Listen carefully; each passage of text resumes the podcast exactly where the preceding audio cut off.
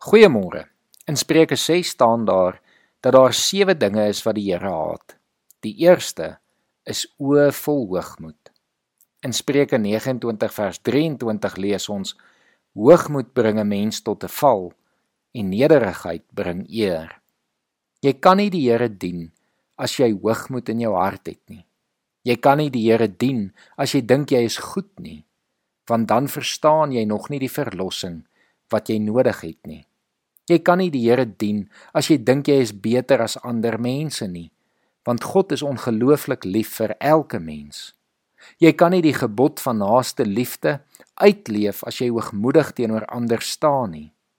As jy nie nederig is nie, kan jy dus nie die Here dien nie. Daarom is dit so belangrik dat die Heilige Gees vir elke gelowige nederigheid as eienskap sal gee.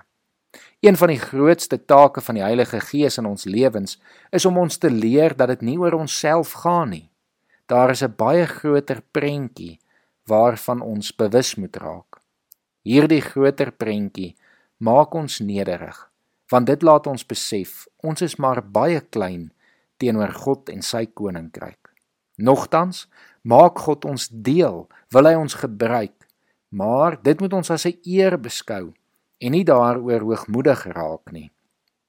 'n Nederige persoon is net soveel meer bruikbaar, leerbaar en oop vir God se koninkryk as iemand wat met hoogmoed leef, wat dink hulle weet beter, wat dink hulle weet die antwoord, wat dink hulle is beter as ander.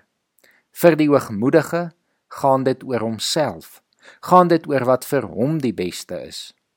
Maar soos ons in Spreuke gelees het, bring dit dikwels die persoon tot 'n val.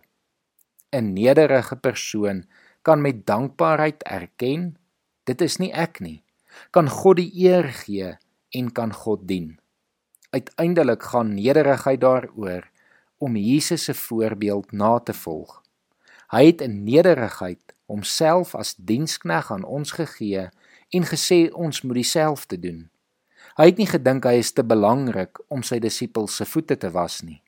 Hy het nie gedink hy is te belangrik om vir ons gebore te word in 'n stal en uiteindelik aan 'n kruis te sterf nie. Nederigheid maak jou diensbaar vir God en diensbaar teenoor jou medemens. Ek hoop en bid dat jy na nederigheid as eienskap en vrug in jou lewe sal smag en dit najag onder leiding van die Heilige Gees. Ek sluit vir ons vandag af deur Filippense 2 vanaf vers 5 tot en met 11 saam te lees. Dieselfde gesindheid moet in julle wees wat daar ook in Christus Jesus was. Hy wat in die gestalte van God was, het sy bestaan op godgelyke wyse nie beskou as iets waaraan hy hom moes vasklem nie, maar hy het homself verneder deur die gestalte van 'n slaaf aan te neem en aan mense gelyk te word. En toe hy as mens verskyn het, het hy homself verder verneder. Hy was gehoorsaam tot in die dood, ja die dood aan die kruis.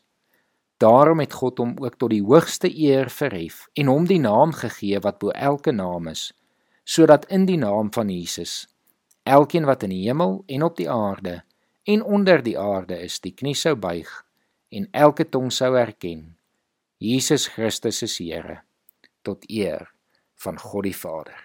Kom ons bid saam. Here, dankie vir u voorbeeld. Here, dankie dat u vir ons nederigheid in u lewe hier op aarde gewys het, dat u as dienskneg geleef het, dat u as dienskneg teenoor God die Vader gestaan het en medemense in liefde en nederigheid bedien het. Here help ons vandag om u voorbeeld na te volg. Mag ons in nederigheid u diensknegte wees en mag ons in nederigheid diensbaar teenoor ons medemense in liefde optree. Ons bid dit in Jesus Christus se naam alleen. Amen.